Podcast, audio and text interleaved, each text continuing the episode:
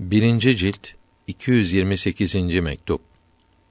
Zamanımız Resulullah'ın sallallahu teala aleyhi ve sellem nurlu zamanından çok uzak olduğu için ve kıyamet vakti yaklaştığı için küfr ve bid'atler her tarafa yayıldı.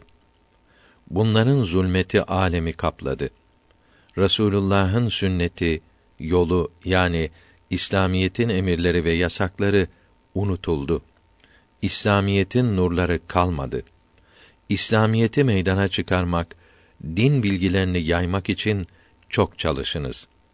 Allahü Teala'nın rızasını kazanmaya sebep olan şeylerin başında bu çalışmak bulunmaktadır. Resulullah'ın şefaatine kavuşturacak en faydalı şey bu çalışmaktır. Hadisi şerifte buyuruldu ki, unutulmuş bir sünnetimi meydana çıkarana yüz şehit sevabı verilecektir. Burada sünnet demek İslamiyetin bir hükmü demektir. Bir sünneti meydana çıkarmak için bunu evvela kendinin yapması lazımdır.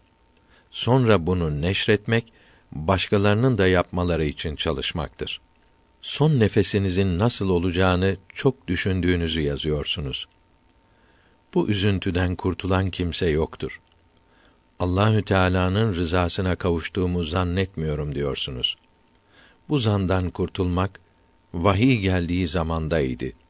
Sonraki zamanlarda ancak bunun alametleri ve müjdeleri vardır. Kat'î bilinemediği için üzüntüsünden kurtulmak mümkün değildir. İbadetlerimin ve taatlerimin kabul olacaklarını ümid etmiyorum. Bu sebepten ibadet yapmakta bazen gevşek davranıyorum diyorsunuz. İbadet yapmamız emrolundu ibadet yapmak birinci vazifemizdir. Kabul olacağını bilsek de bilmesek de ibadet yapmamız ve yaparken hasıl olan kusurumuz için istiğfar etmemiz, kabul olması için yalvarmamız lazımdır. Böylece kabul olması ihtimali artar. Vaki olan zulmeti azalır. Nuraniyeti artar. İbadet yapmak, sonra istiğfar etmek kulluk vazifemizdir. Bundan başkası şeytanın vesvesesidir. Beni seviyor musunuz diyorsunuz.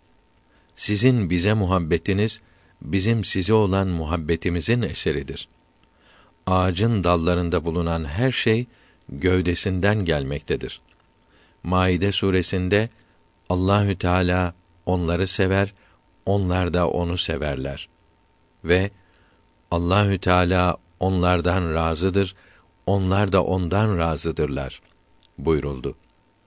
Kendi muhabbetini ve rızasını onların muhabbetlerinden ve rızalarından evvel bildirdi.